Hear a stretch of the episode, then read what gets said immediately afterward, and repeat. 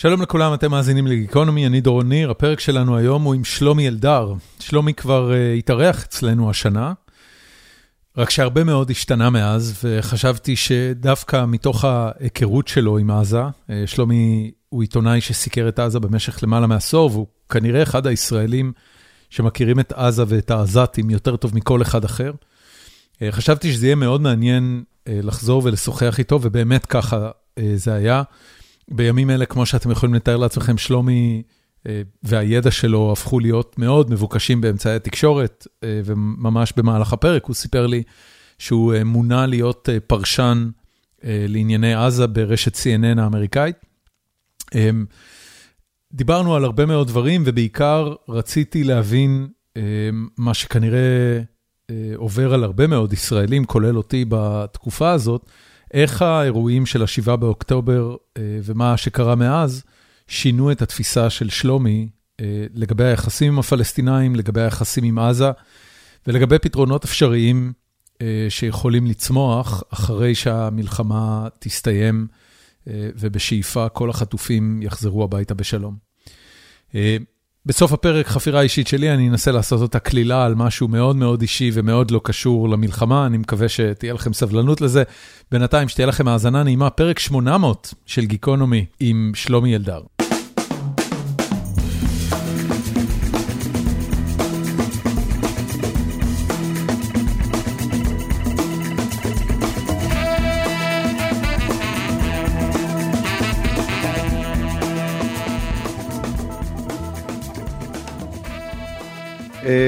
מה העניינים? כמו כולם.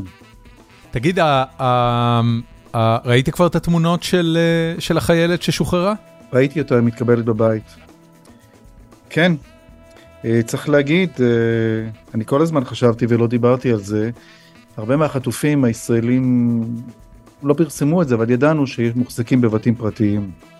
ויש הבדל בין רוב החטופים שמוחזקים על ידי חמאס, יש חלק שמוחזקים על ידי ג'יהאד איסלאמי, יש חלק שמוחזקים על ידי החזית העממית לשחרור פלסטין, יש תנועה כזאת בעזה, היא קטנה, ומחשבתי כל הזמן הייתה נתונה לאלה שנחטפו על ידי פורעים ונלקחו הביתה בעבור בצע כסף. זה הכי הפחיד אותי. כי כל הזמן אמרתי שאלה שבידי חמאס, אני יודע שחמאס יש להם אינטרס לשמור עליהם. ופחדתי, פחדתי פחד מוות מאלה שמוחזקים בבתים פרטיים. וגם אמרתי לעצמי שאני יודע שאותם אפשר יהיה לחלץ. אולי. ו... וזה זה מרגש לראות, אתה יודע, שפתאום אנחנו מתעשתים ו... ומוציאים אותה. אני רק חשבתי, באמת עכשיו בדרך באתי באתי הביתה וחשבתי שאולי לא טוב שפרסמו את זה. אולי היו צריכים לשמור דווקא את זה בסוד, לא את הסרטון הזה שהוא היום. זה, זה מעניין לא. שאתה אומר את זה, אבל, אבל ממש לפני שעלינו להקלטה, אז ראיתי פוסט של לא, לא פחות ממיכאל בן ארי, שכתב שלתחושתו לא טוב היה לפרסם את העובדה שהצליחו לשחרר אותה. נכון, כי אני חושב על אלה החטופים שנמצאים בבתים פרטיים, ועכשיו הם יעבירו אותם או יעשו משהו אחר, אבל, אבל אלה המחשבות שעברו לי בראש. ואני אגיד לך עוד דבר, היום פורסם אה, סרטון, פרסמו חמאס את הסרטון של שלוש נשים. כן. שאני מבין שזו מלחמה פסיכולוגית, אני מבין הכל. שחמאס משתמש בהן ורוצה להפעיל לחץ, וחמאס בלחץ וכל זה וכל זה. אבל תחשבו על החטופה הזאת שזעקה זעקה איומה. די! הסרטון למי שלא ראה, שלוש חטופות יושבות על כיסאות פלסטיק, מאחוריהם קיר לבן. האמצעית מביניהן נושאת נאום תוכחה בכעס גדול, שמופנה ישירות לנתניהו. נתניהו. ומסיימת בזעקות ממש של שחררו אותנו. בזעקות ממש, זעקה אמיתית. עצור, רגע, רגע, אתה, אתה אומר אמיתית, הרי אתה לא מעלה בדעתך שהדבר הזה לא עבר לפחות שלושה ארבעה טייקים, ושהיא נבחרה בגלל היכולת הדרמטית שלה להוציא את הצעקה הזאת ממנה, נכון? זה לא, זה, אין סיכוי שזה אותנטי. אני חושב שזה אותנטי. מה? אי אפשר לזעוק, אי אפשר לזעוק זעקה כזאתי שמישהו אומר לך לזעוק. מה אתה מדבר? אני, אני משוכנע לחלוטין שהם עברו על, על, על, על עשרות עד שמצאו מישהי שמסוגלת להעביר את זה בצורה משכנעת. ותחשוב רגע על הסיטואציה של השבויה האומללה, אם היא יכולה לעשות משהו, איזה הצגה שצריך, לעמוד על הראש ולצעוק קוקוריקו. אתה חושב שהיא לא הייתה עושה את זה מול המצלמות עם כזו זעקה?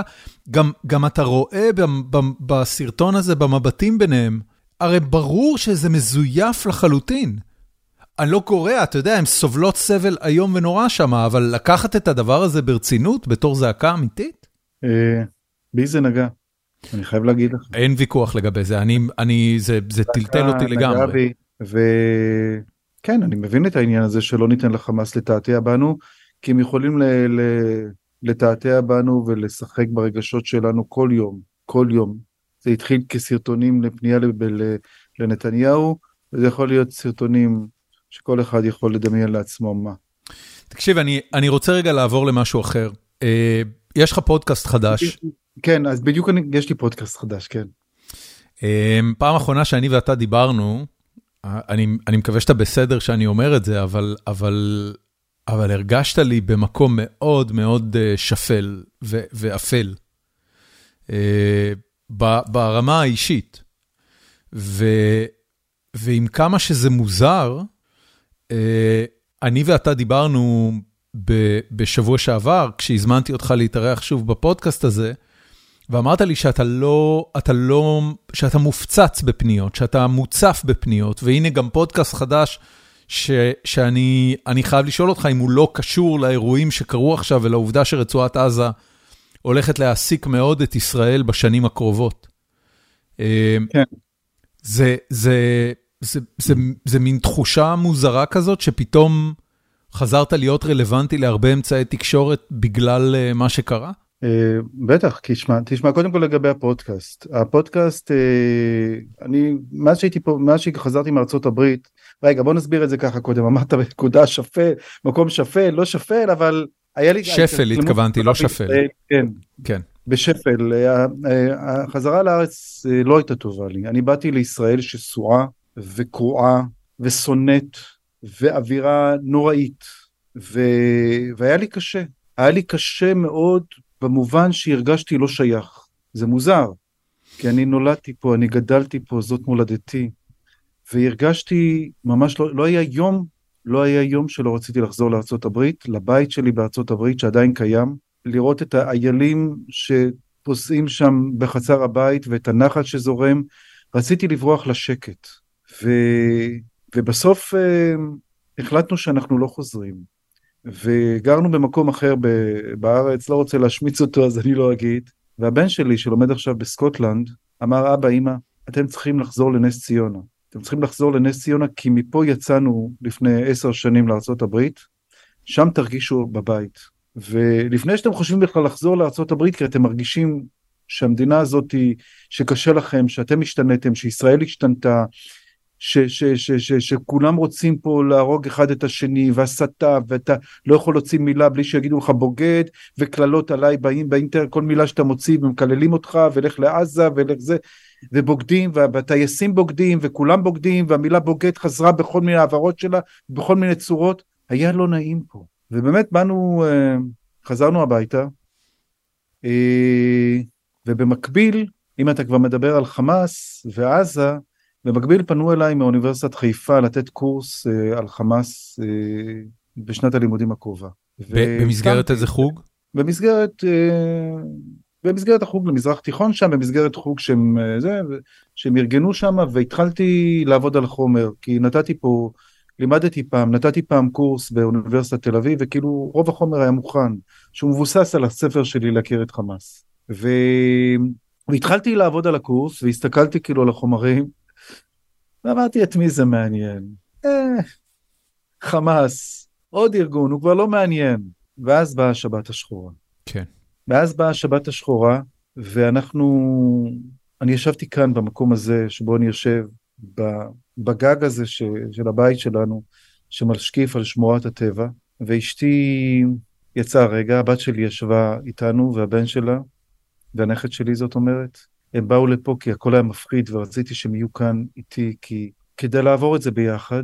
בטלוויזיה שהיא נשקפת מהגג, ראו כאילו משהו כמו 20, 120 הרוגים אני חושב, או 42 הרוגים, והיא הלכה, ל...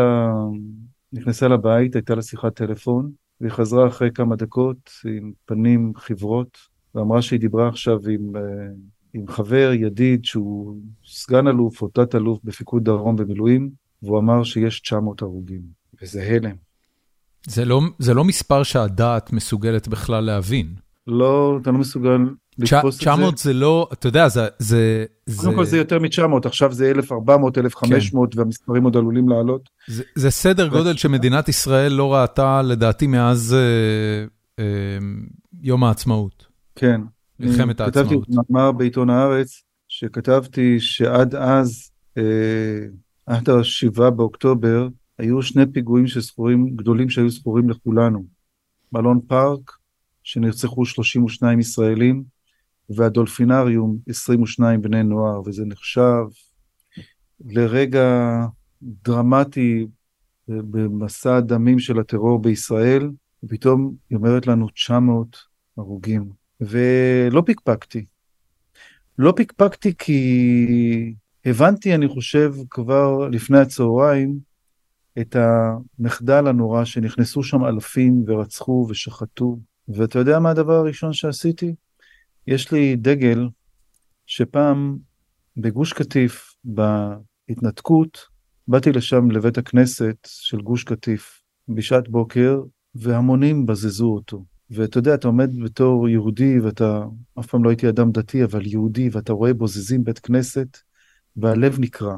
ומהר מאוד הבנתי גם שהם לא בוזזים את בית הכנסת כי זה בית כנסת יהודי, אולי גם, אבל בעיקר שהם אנשים עניים, שעקרו מהקירות כבלים כדי לקחת את הנחושת, כן. כדי למכור, כדי לאכול. ואני חושב שזה היה עוד לפני, לפני, לפני, לפני הפיכת חמאס, ואתה צריך להבין את העוני של עזה. ו, וכשיצאנו, ואני זוכר שבכיתי שם, אני גם מצולם כתבת טלוויזיה שעשיתי סטנדאפ שם, ורואים שאני נסער ובוכה, ואני לא, לא התביישתי אפילו. גם היום כשאני בוכה, ואני כמעט בוכה בכל הזדמנות שאני מדבר על התינוקות, וזה בעצם בא מהמקום שראיתי כמה סרטונים שלא מניחים לי. כן. ואני יכול להגיד לך שאני הוזמנתי על ידי דובר צה"ל לבוא ולראות את הסרטון שהכינו, שראו אותו אה, אה, עורכי העיתונים הגדולים ורשתות אה, בארצות הברית, כי אני משלים עכשיו את הספר על חמאס, ואני צריך לראות, וראיתי סרטונים, ואני, אחרי שאשתי באה ואמרה 900 הרוגים, לא הרוגים, נרצחים וחטופים, אני כבר עשיתי בראש כמה חטופים, חשבתי במקרה, במקרה הגרוע 80, לא חשבתי שנגיע למספר של מאות. נזכרתי בדגל הזה, דגל שכשיצאתי מבית הכנסת אה, שנבזז, ראיתי ילד שמחזיק אה, דגל ישראל ועומד לשרוף אותו. ואמרתי לו, תן לי אותו, והוא לא רצה.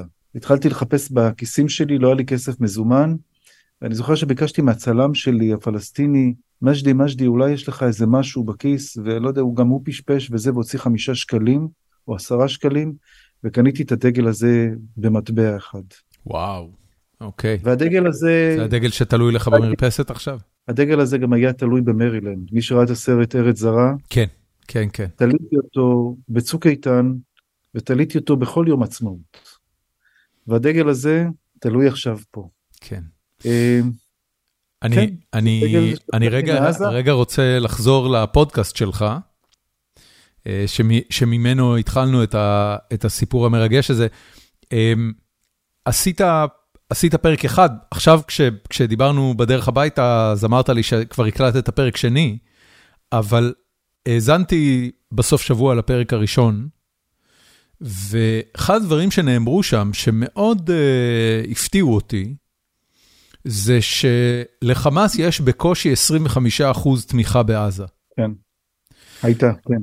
ואני רוצה לשאול אותך, אמ, האם מה שקרה מאז ה-7 באוקטובר צפוי להגדיל את התמיכה או להקטין את התמיכה של חמאס בעזה?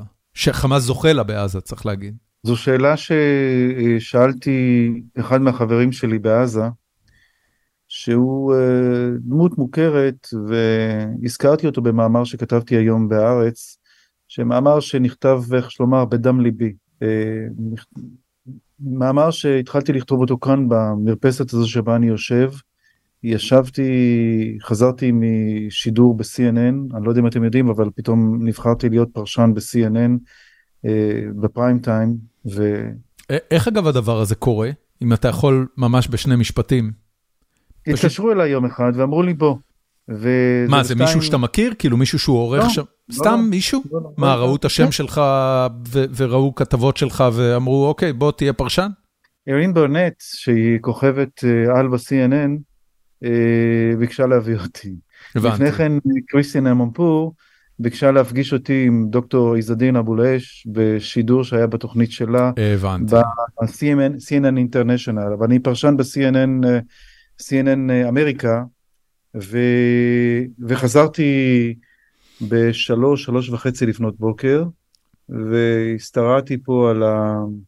על הספה בחוץ, היה פה אוויר נפלא, ומטוסים כל הזמן, כל הזמן מטוסים באוויר בדרכם לעזה.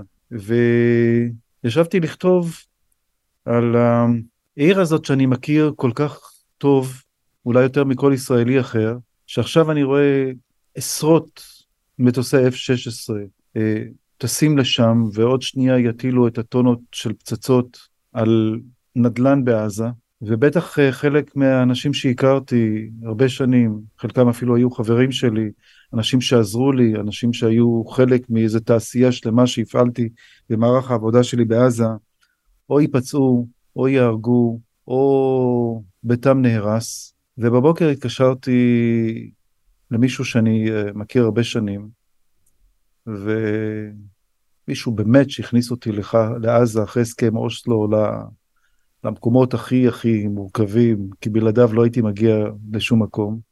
אני לא אומר את שמו כי אני לא רוצה קצת אה, לסכן אותו, אבל אני רק ארמוז שכל ישראלי, אה, אני חושב, מכיר אותו בגלל העברית הטובה ששגורה בפיו.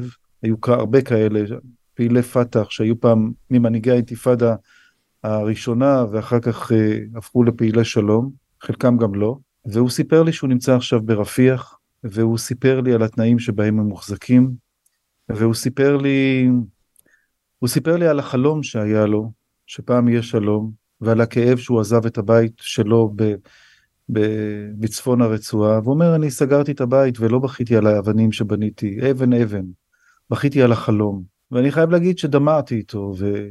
והוא אמר לי, מה... אומר לי, אני יכול להגיד לך, שלומי, חצי מהאנשים לא, לא עזבו את צפון הרצועה, כי אין להם אפילו חמישה שקלים להגיע לדרום הרצועה. ואנחנו פה מסתתרים, בלי כסף, בלי אוכל, אה, בתנאים קשים, בלי שירותים. שמעת משהו שמרמז על הבנה, על האסון שחמאס הביא עליהם? כן, והוא אמר לי, ואני מגיע לנקודה הזאת, הוא אמר לי, אני אומר לך, מפציצים פה בלי הבחנה. רוב ההרוגים שאני ראיתי זה אנשים בדרום הרצועה ולא בצפון, ואני יכול להגיד לך, אנשים לא מכירים שום דבר אחר, עכשיו יש להם את רק חמאס, רק חמאס שיגן עליהם. אז, אז התשובה היא לא. במילים אחרות, הוא לא מבין שחמאס הביא אסון על, ה, על הפלסטינאים. לא, לא, מבין, לא, לא, לא, שלא תבין. לא, לא, הוא בהחלט מבין. הוא אדם שמכיר את חמאס, הוא אדם שנלחם בחמאס, הוא אדם ששונא את חמאס שנאת מוות, ויש הרבה אנשים שמבינים שחמאס הביא את זה עליהם. אבל חמאס ידע להביא עליהם אסונות ולפעמים לחבק אותם. כי חמאס, יש פה איזה פרדוקס בתנועה המוטרפת הזאת. חמאס קמה כתנועת רווחה, הדאווה שהייתה בבת עיניו של השייח' אחמד יאסין, וכל הזמן היה איזה מאבק בין מה יותר חשוב, מוסדות הרווחה, הדאווה, או הזרוע הצבאית של חמאס. התשובה היא ברורה עכשיו, מה ניצח? ו...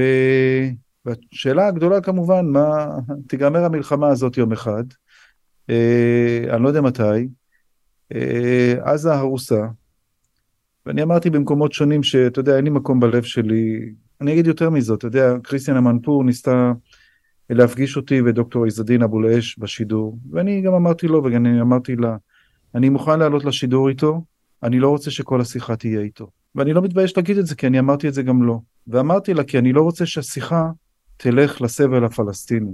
סבל הפלסטיני כרגע פחות מעניין אותי. אחרי מה שאני ראיתי בעיניים. היא, היא הסכימה? כן, כך זה היה. הוא עלה, הוא אמר כמה מילים על שצריך להפסיק את ה bloodshed וצריך לדבר על שלום וזה, ומספיק revenge, אמרתי זה לא revenge, אין פה שאלה של revenge. אנחנו במקום אחר לגמרי, ומי שלא מבין את זה לא מבין כלום.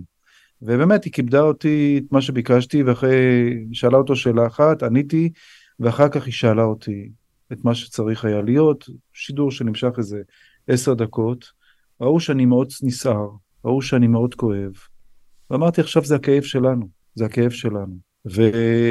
וגם לחברים שלי אני אומר, אמרתי לאחד מחבריי שלא לאותו איש, לאדם אחר, ואמרתי לו, אתה מבין, אתה מבין, נתתי לו דוגמה, וכתבתי את זה גם במאמר שהתפרסם עכשיו בארץ, ואמרתי לו, אתה מבין מה זה? שנכנס אליך גנגסטר הביתה, ביד אחת הוא מחזיק תינוק, וביד אחת מחזיק קלשניקוב, והוא רוצה להרוג את המשפחה שלך, מה אתה עושה? הוא אמר לי משפט מדהים, הוא אומר לי הייתי עושה אותו דבר, אנחנו יודעים מה אתם עושים. ואני אומר, מה שיהיה יהיה, כי ממילא אנחנו כבר מתים. וזוהי עזה, עזה שבסוף המלחמה חצי מתושביה יהיו חסרי דיור אם לא יותר, פליטים, רעבים, כועסים, עניים, ומי יטפל בהם? לא אבו מאזן. כי את אבו מאזן נתניהו החליש ועשה לו דמוניזציה כזאת שהוא לא יוכל לבוא ולרכב על הטנקים הישראלים. מי יבוא? אין לי מושג. מה שבישלנו, זה מה שנוכל. עכשיו אני צריך לספר לך... לא, לא, לא, אתה לא חושב שיגיעו אה, אה, כוחות אה, בינלאומיים? אולי כן, אבל גם אותם כוחות בין, בינלאומיים לא יכולים לשלוט על עזה לאורך ימים. דיברו על דחלן, שאולי דחלן, כי המצרים התחילו לזרוק את השם שלו, דחלן, כי לדחלן יש קשרים מאוד מאוד טובים עם נשיא מצרים ועם האמירויות. דחלן צריך להיות פסיכי. אה, איפה, איפה מוחמד דחלן כרגע? הוא נמצא באבו דאבי. אוקיי. לא נראה לי ש... לא נראה לי שהוא... תן למאזיננו אה, קצת רקע על האיש. אה, אני, זוכר את ה... הוא, חמאס, לא? לא, מוחמד דחלן אה, מוחמד דחלן הוא איש פת"ח, הוא היה מפקד הביטחון המסכל של רצועת עזה, אה, הוא היה אחד האנשים הכי חזקים בעזה. הוא, הוא עזב את עזה כשחמאס השתלטו? אה, הוא עזב את עזה שבוע לפני כן ואמרו שהוא ברח, אבל אני וידאתי את זה שהוא לא ברח, הייתה לו, למזלו, הייתה לו איזה בעיית גב חמורה ביותר, הוא היה באיכילוב, המלך עבדאללה שלח אפילו מסוק שייקח אותו לבית חולים ב... ברבת עמון והוא כאילו חמאס היו הורגים אותו אבל מה שקרה אחר כך דבר מפתיע כמה שנים אחר כך אחרי ההפיכה איכשהו הקשרים בין חמאס אליו התהדקו כי הוא יכול היה לקשר אותם אה, לאמירויות ואיכשהו היחסים ביניהם השתפרו באופן כזה או אחר. אבל הוא גורש על ידי ערפאת, אה, על ידי אבו מאזן, אבו מאזן פשוט העיף אותו מתנועת הפת"ח, השפיל אותו וגירש אותו כאילו מהשטחים והוא uh, באבו דאבי, הוא איש עשיר מאוד אגב, uh, איש בעל כריזמה יוצאת מן הכלל, הוא חבר קרוב של א-סיסי וחבר קרוב מאוד של, uh, של, אמיר, של האמירי, של אמיר אבו דאבי, ו, ודיברו עליו שכאילו פעם היה הבוס של עזה, הוא היה האיש הכי חזק בעזה. והוא בתקופות מסוימות, עוד שהיה בתוניס, ידע לחזק את כוחו כי הוא היה שולח כסף אה, לפני הסכם אוסלו לתושבי עזה, הוא היה מגדיל להם תקציב קצבאות אה, אה, לאוכל. אבל, אבל, אבל רגע, אני, אני חייב לשאול אותך לגבי זה.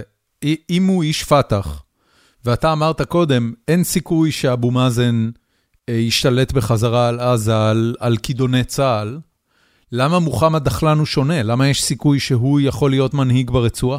כי הוא איש פת"ח, אבל, ערפה, אבל אה, אבו מאזן העיף אותו מהתנועה, כי הוא הקים אופוזיציה לאבו מאזן, אופוזיציה אפילו לוחמת, כי הוא uh, התפייס עם חמאס באופן הזה שרצה לדאוג לטענתו לתושבי עזה העניים, כי הוא איש חזק שאולי, שישראל הייתה שמחה אם הוא היה בא, שהאמריקאים היו שמחים מאוד אם מוחמד דחלן ייקח את המושכות וייקח את עזה, כי מצרים רוצה, כי אני בטוח שהקטרים מעוניינים והאמירויות מעוניינים, אני לא בטוח שהוא uh, מעוניין. Okay. הוא אוקיי. צריך להיות פסיכי כדי להיכנס לשם. עוד משהו ששמעתי בפרק הראשון של הפודקאסט שלך, תזכיר לי אגב את שמו של האורח, כי הוא היה מרתק ממש. יובל ביטון, דוקטור יובל ביטון, רופא שיניים במקצועו, שהתחיל את הקריירה שלו ב, ב, ב, בשירות בתי הסוהר כרופא שיניים, והפך להיות קצין המודיעין של שב"ס. והוא ניהל את כל החקירות של כל המחבלים הכי מתועבים שעברו בבית הכלא. אלה שביצעו כולל, את כולל יחיא סנוואר, ש... ש... בעיקר יחיא סנוואר. שהוא המוציא לפועל של ההתקפה הנוראית ב-7 באוקטובר. כן, והוא מספר, אני אעשה את זה בקצרה, כי הסיפור שלו כבר סופר, אני אעשה את זה רק בקצרה, והוא סיפר על האכזריות של האיש הזה, ש... שהיו לו המון המון המון, אלפי שעות שיחה. איש אכזר, שישראל לא התייחסה אליו כל כך כששחררו אותו בגלעד שליט, בעסקת גלעד שליט, והוא אמר, אני יודע שהוא קבע את הרשימות בכלל, מי יצא ומי יישאר. והוא הלך לשב"כ, יובל, יובל ביטון, ואמר להם, תגידו, אתם פסיכים? מה אתם משחררים את האיש הזה? הוא השתלט על עזה. כי למה לישראל היה נוח לשחרר אותו, או לא, לא התנגדו לשחרורו? כי הוא לא עשה פיגועים. הוא נעצר ב, בסוף שנות ה-80, שהוא היה חבר בוועדות ההלם, וחבר בוועדות ההלם שרצחו פלסטינים שנחשדו משתפי פעולה. כן. והוא היה אכזר מכולם, הוא שיסף את גרונם, קודם עינה אותם, היו כאלה שגררו אותם במכוניותיהם כאילו לאורך עזה, כמה שיכלו, כי ישראל עוד הייתה שמה, אבל הוא בעיקר עינה אותם, כולל הוצאה להורג ועריפת ראשים של, של אה, אה, אסירים פלסטינים שנחשדו בכלא כמי ששיתפו פעולה עם שירות בתי הסוהר. והוא הלך לשב"כ ואמר להם, אתם לא נורמליים. ואמרו לו, אה, עזוב, אתה לא מעודכן.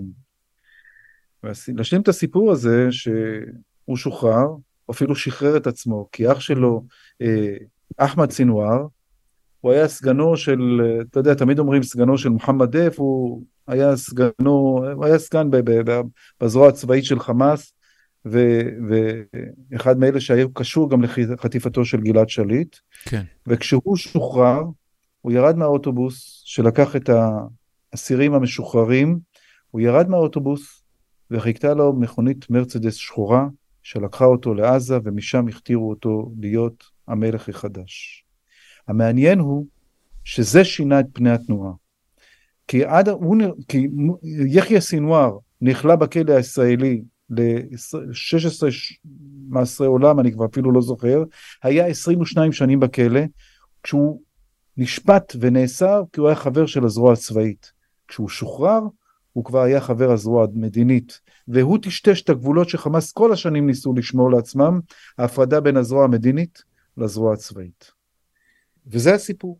Okay. אוקיי. וכששאלו אותי רבים, תגיד, תגיד שלומי, חשבת שיכול להיות, לקרות דבר כזה? חשבת שחמאס הם עד כדי כך אכזרים שיבואו, ישחטו, ישרפו תינוקות, יאנסו? ואמרתי לא, לא חשבתי לרגע. לא האמנתי, ישבתי על ידי האנשים האלה, ראיינתי את, את אסמאעיל הנייה פעמיים, הוא הזמין אותי לבית שלו יותר מפעמיים, הייתי בלשכה שלו, לפעמים הוא העביר דרכי מסרים שהוא חשב ש, שיש לי את היכולת להעביר למקבלי החלטות בישראל.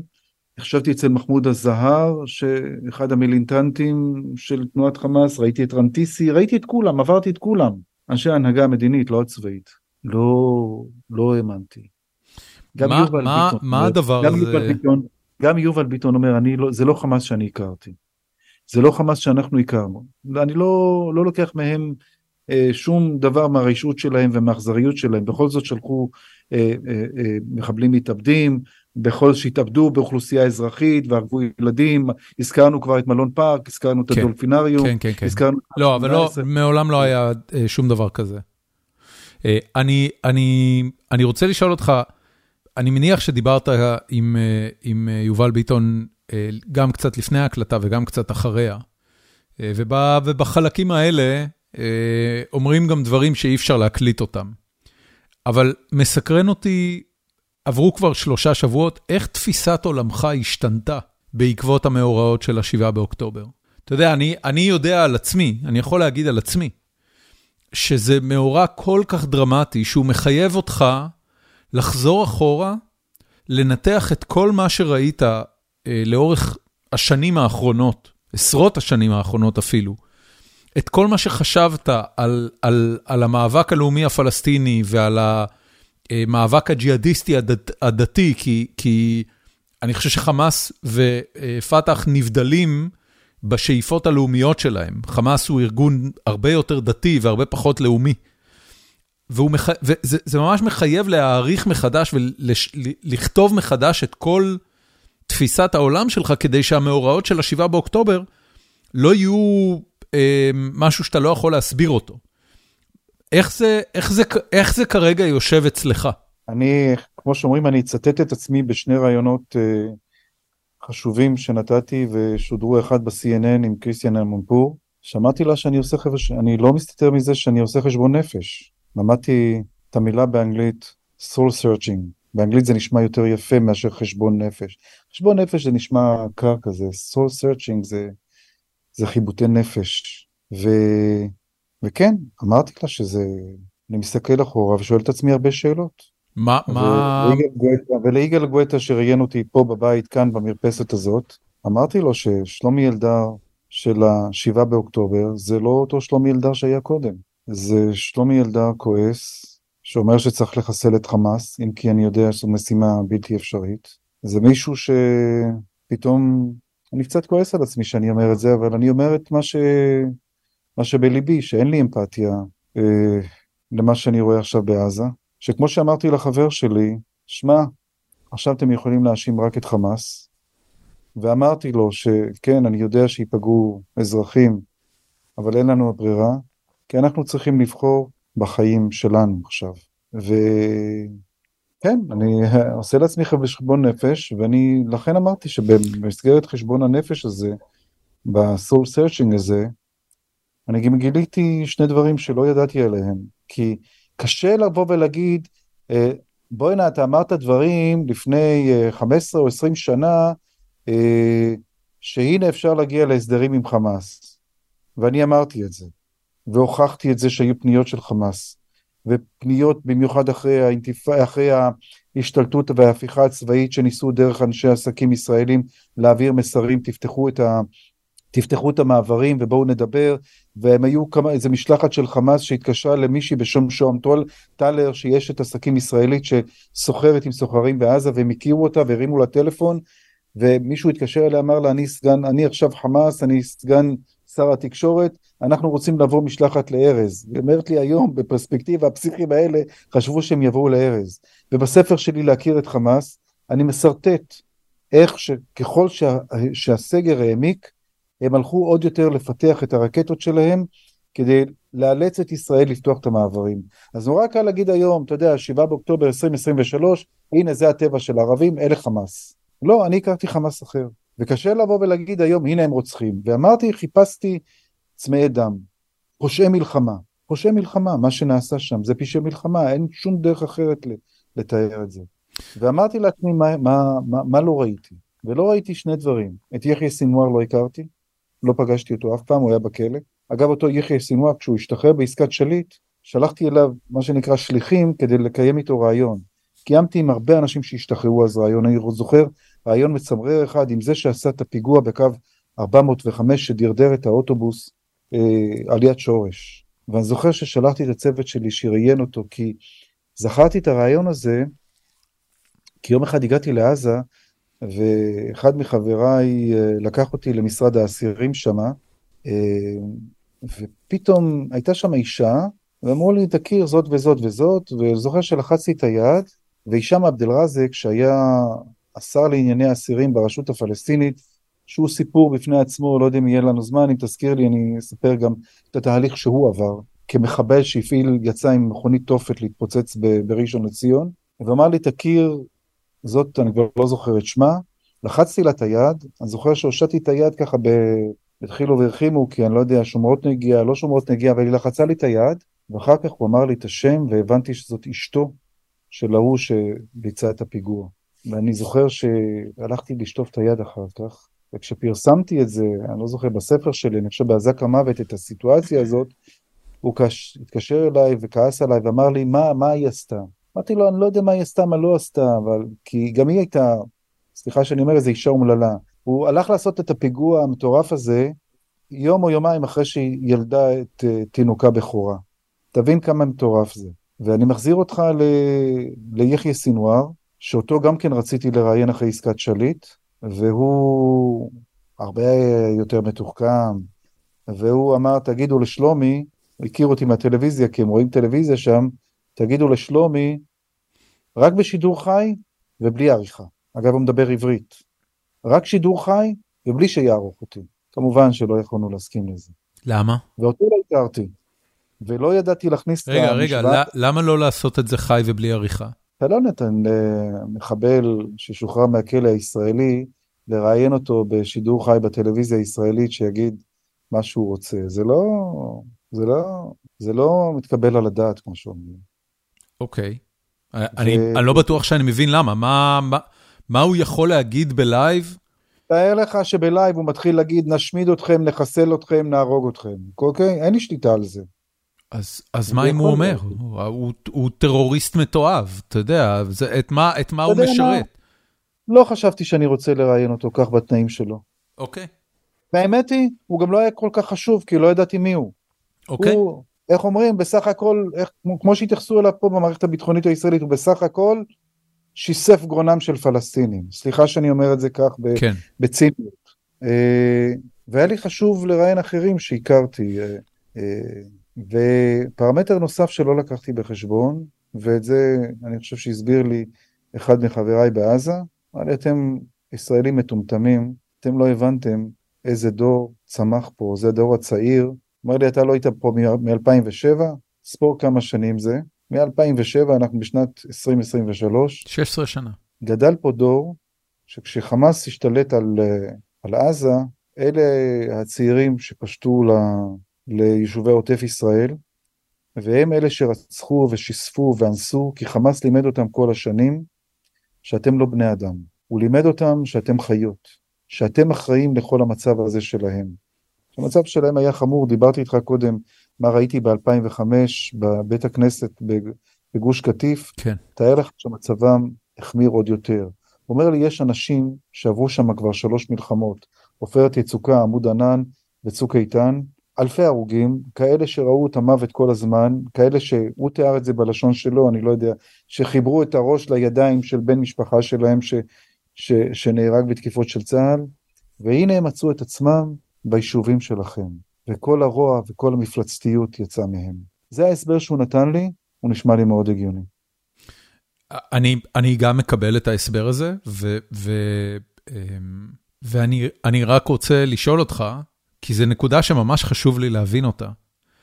אה, התהליך הזה, החשבון נפש הזה, ה-soul searching שתיארת, אה, חוץ מאשר להבין שעכשיו הזמן אה, לתקוף ללא רחם, צבאית, את רצועת עזה, יש משהו מעבר לזה? יש, יש יום אחד אחרי סיום הלחימה שאתה יודע שאתה יודע להגיד מה הדבר הנכון לעשות, או שזה ממש עכשיו הזמן להרוג, עכשיו הזמן מלחמה? לא, לא, זה לא, זה לא, זה לא, המילה, אני לא אוהב עכשיו הזמן להרוג. אה, אני חושב עכשיו הזמן זה הפנמה שמדינת ישראל לא יכולה להרשות לעצמה שחמאס יהיה בעזה. אני, סליחה שאני, אני הרבה פעמים אומר דברים שאנשים לא אוהבים לשמוע, אבל אני אומר אותם כי כזה אני. לכן הרבה פעמים אנשים קיללו אותי, לא אהבו אותי, לא אהבו לשמוע. אתה יודע, אמרתי.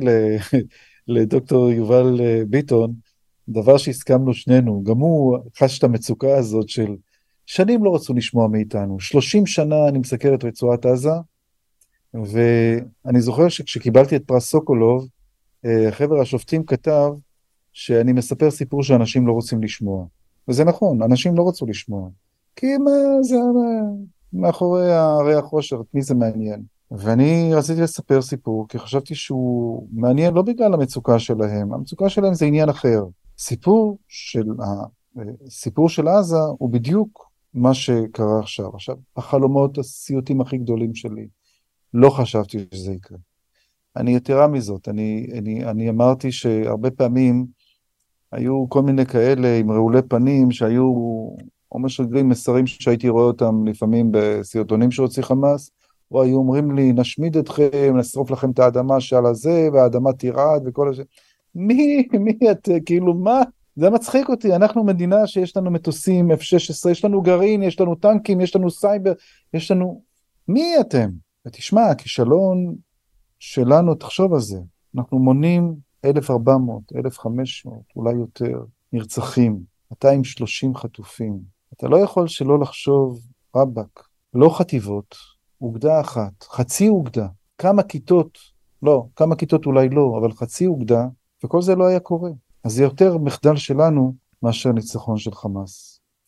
ומה שלא יהיה, אני אמרתי את זה בהזדמנות אחרת באיזשהו מקום שאמרתי, תראה, אה, המלחמה הזאת תסתיים כשחמאס יובס, אין דרך אחרת. מה, לא מה זה אומר יובס? אני, אוקיי, יחיא סינואר בן מוות. כל ההנהגה שלו בן מוות, לאט לאט צה"ל אה, מחסל אותם אחד-אחד.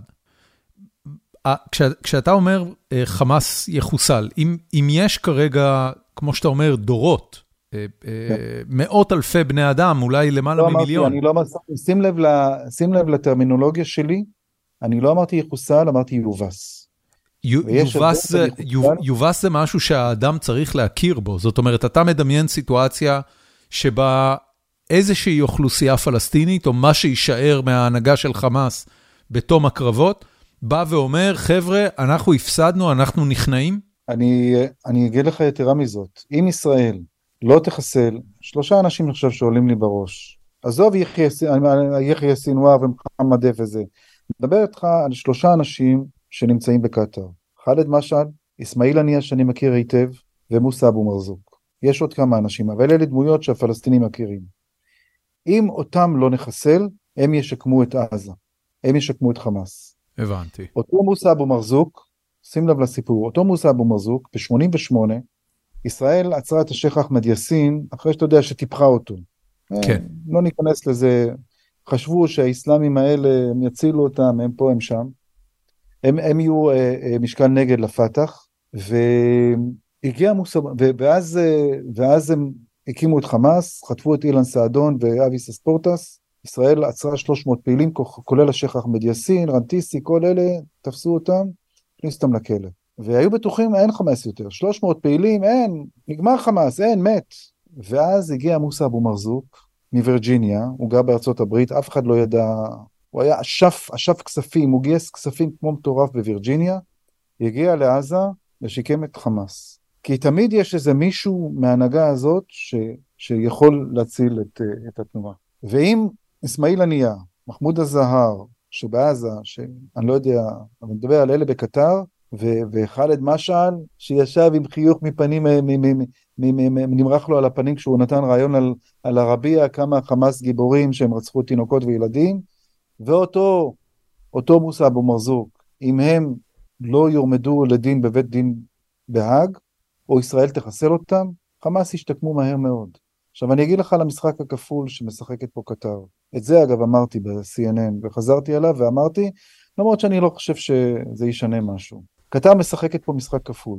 מצד אחד, הם כאילו אה, דחקו את אה, התפקיד המתווך במצרים, הם כאילו מאוד חשובים לשחרר את החטופים אם בכלל אפשר, משחקים תפקיד מאוד מאוד פעיל עם האמריקאים, ויחד עם זאת נותנים מקלט מדיני לפושעי המלחמה האלה. וזה משחק מאוד מסוכן, כי מה שלא יהיה, בסוף המלחמה הזאת, כל עסקה שתיעשה, תעבור דרך קטר.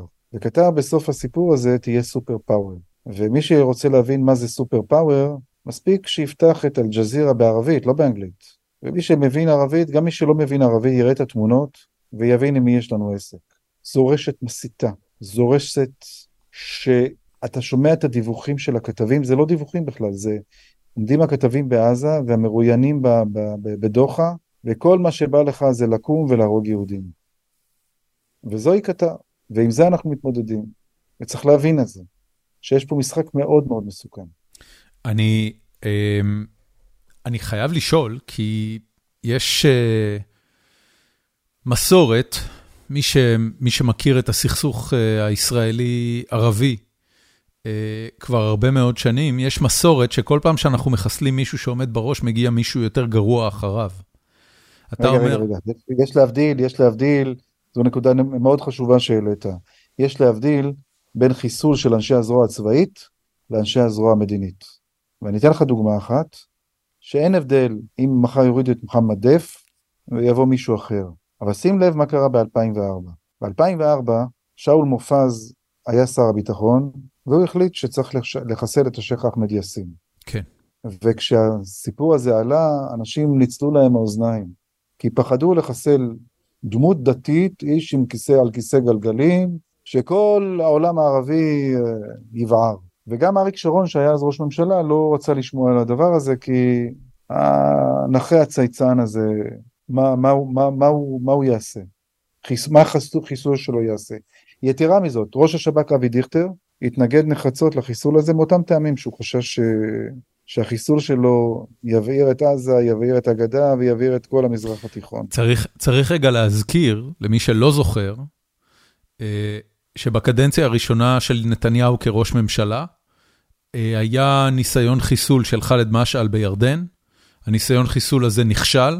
מדינת ישראל, אני לא יודע אם זה על פי פרסומים זרים או אפילו בישראל פרסמו את זה, אה, נדרשה להעביר את הנסיוב שהציל את החיים של ח'אלד משעל, ובעקבות התקרית הזאת אה, שוחרר אחמד יאסין לרצועת עזה והפך בחזרה להיות אדם חופשי, עד אותו רגע הוא היה בכלא הישראלי.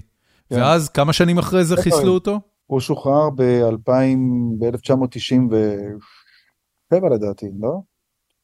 97 או 97, בין 97 ל-98, אני כרגע לא זוכר, הוא חוסל ב-2004, מרץ 22. והוא בעצם הבן אדם, הוא המנהיג הרוחני של חמאס, הוא הקים את התנועה הזאת. הוא הקים את תנועת חמאס. אני לא רוצה לחזור להיסטוריה, כי אם אני אחזור עכשיו להיסטוריה של חמאס לא נגמור.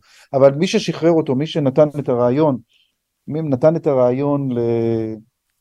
נתן את הרעיון לשחרר את השייח' אה, אחמד יאסין, היה אפרים הלוי, נתניהו התקשר אליו, כי ידע שיש לו קשרים טובים עם המלך חוסיין, והוא בא למלך חוסיין והציע לו אה, לשחרר את השייח' יאסין, אחרי שהגיע הנסיוב שהחיה אותו, מהסיבה הפשוטה, שהמלך חוסיין רצה להוציא להורג את סוכני המוסד שנתפסו. כן. זאת הייתה פעולה שלומיאלית, באמת, מי חשב על זה שיבואו, ייתנו לו זריקה והוא לא ירגיש. אבל שאלתי את נתניהו פעם, אה, כשכתבתי את הספר להכיר את חמאס, נתניהו אז היה באופוזיציה, לא, הוא לא היה באופוזיציה, הוא היה... כששרון היה עוד ראש ממשלה. שר האוצר הוא היה אז? 2003 כן, אתה מדבר. כן, כן. ובאתי ושאלתי את uh, נתניהו, אני זוכר ש... שבאתי ללשכה הקטנה שלו ב... בכנסת, אופיר אקוניס היה הדובר שלו, תחשוב, זה היה מזמן. אמרתי לו, תגיד נתניהו, תגיד ביבי, למה שחררת את uh, השייח' אחמד יאסין? אז קודם כל לא הייתה לו ברירה. לא הייתה לו ברירה, אבל אתה יודע, נתניהו לא יגיד אף פעם לא הייתה לי ברירה, אבל הוא אמר משפט כזה, הוא אמר, תשמע, כל הזמן אמרו לי שהנה אוטוטו הוא עומד למות. עכשיו באמת, השייח' אחמד יאסין, כל הזמן אמרו, הנה אוטוטו הוא מת, בכלא הוא ימות, אוי ואבוי שלא ימות בכלא. אז אמרתי לעצמי, יאללה, שחרר אותו, מקסימום הוא ימות עוד חודש, חודשיים בבית שלו. שוחרר ב-98 או 97, אני ממש כבר לא זוכר מכל התאריכים שמבלבלים אותי כרגע, ו- וחוסל ב- במרץ 2004, והיה הלם בתנועה. ולמחרת, כמה ימים אחר כך, הלכו אה, והמליכו את עבד אל עזיז רנטיסי, שגם הוא סיפור, הוא אחד האנשים הכי מיליטנטיים, אה, רופא, הכי מיליטנטיים ברצועת עזה, שאגב, הוא סיפור נורא נורא מעניין, סליחה שאני סוטה מהנושא, אבל אני רק אזכיר אותו, ואם תרצה אחר כך אה, נחזור אליו. הוא היה שכן של מוחמד דחלן. שניהם גדלו ביחד. אבא של דחלן עזב אותם בגיל צעיר, הלך לעבוד בכווית, והשאיר אותם רעבים ללחם. פשוט שכח מהם. ואימא של רנטיסי הייתה חברה של אימא של דחלן, והיו מביאים להם אוכל לאכול. ואחד הלך לחמאס, אחד הלך לפתח, ויום אחד הם מוצאים את עצמם אחרי החיסול של יאסין, ודחלן הוא מפקד הביטחון המסכל של רצועת עזה, או מפקד הביטחון הלאומי, אני חושב שכבר היה מישהו אחר, כאילו תפקיד רם יותר, והוא מארגן פגישה עם רנטיסי. ובפגישה הוא אומר לו, תיזהרו. דחלן אומר לרנטיסי, תיזהרו. תבינו, אם תמשיכו להשתולל, ישראל תחסל גם אותך. ולא תהיה לכם ברירה. ואז הם מתחילים לדבר על חלק מעיז א-דין אל-קסאם, שהשתלבו במנגנוני הביטחון, ה... מנגנוני הביטחון של, של הרשות הפלסטינית, ורנטיסי קם, הם לוחצים ידיים, ודחלן אומר לו תמסור דש לאימא שלך, על למאק. כמה ימים אחר כך, רנטיסי, תחשוב, זה הזכיר לי הסיפור הזה, כמו שאנחנו מכירים סיפורים uh, של uh, אנשי אס-אס-אס מהשואה, שהיו עסוקים בהשמדת יהודים, אבל ניהלו חיים רגילים. ויום אחד uh, הוא בא הבית שלו, יוצא ממחבוא, כשהיה בטוח שישראל מחפשת אותם, הוא יוצא מהמחבוא שלו, בא לבית של אשתו, לבית שלו זאת אומרת, אני אומר לבית של אשתו, כי אשתו חוסלה לפני שבועיים על ידי ישראל. כן. האלמנה חוסלה, והוא בא לבית שלה, שלו, דופק בדלת, נכנס הביתה, מוציא מהכסף, מהכיס, סטיפה של, של שקלים, כי כמו שאתם יודעים, בעזה גם תחת חמאס, השקל הוא המטבע הנסחר. הוא אומר לה, הנה קיבלתי כסף מהמסק... מהאוניברסיטה האסלאמית, הבן שלהם עמד להתחתן. והוא יוצא מהבית, אחרי שהוא נשאר שותה כוס תה, יוצא מהבית, וישראל מחסלת אותו. הלם מוחלט. תוך שלושה שבועות ישראל חיסלה את שני ראשי חמאס, ממנים את ח'אלד משעל שיהיה ראש הלשכה המדינית כי הוא נמצא בסוריה, באותן, בתקופה ההיא היה בסוריה, וח'אלד משעל מעביר הצעה לאריאל שרון דרך עומר סולימאן, שר המודיעין הצבאי, אה, שר המודיעין, שר המודיעין המצרי, והוא אומר לו שיש לו הצעה, שיש לו הצעה, אין חיסולים, אין פיגועים. וההצעה הזאת מחזיקה זמן, היו איזה שני פיגועים אחר כך שברחו להם, מבצע דראבשה אה, מחברון, זו כנופיה שהיה לה חלק בחטיפת הנערים אה, ב-2014, וחמאס מחליטים להשתנות. חמאס מחליטים ללכת לדרך הפוליטית, הם כבר מתארגנים לבחירות ומרכיבים את הרשימה שינוי ורפורמה. וזה מה שעוצר את האינתיפאדה. האינתיפאדה השנייה נעצרה בגלל חיסול ההנהגה המדינית. כן. ת, תגיד, שלומי, אה, אחד הדברים, שוב, שעלה בפרק שלך אה, עם דוקטור ביטון, היה שחמאס, לפחות מבחינה אידיאולוגית, הם בכלל לא תנועה לאומית. אה, הם תנועה דתית, מה שמעניין אותם זה, זה הג'יהאד העולמי האסלאמי. מהבחינה הזאת, זה נשמע שיש שם זהות אידיאולוגית שחופפת מאוד לדאעש ולאל-קאעידה ולעוד ארגונים שממש הציבו לעצמם איזו מטרה מוטרפת לגמרי, אה, לכבוש את כל העולם, לחסל את כל הכופרים ולהפוך את העולם למוסלמי.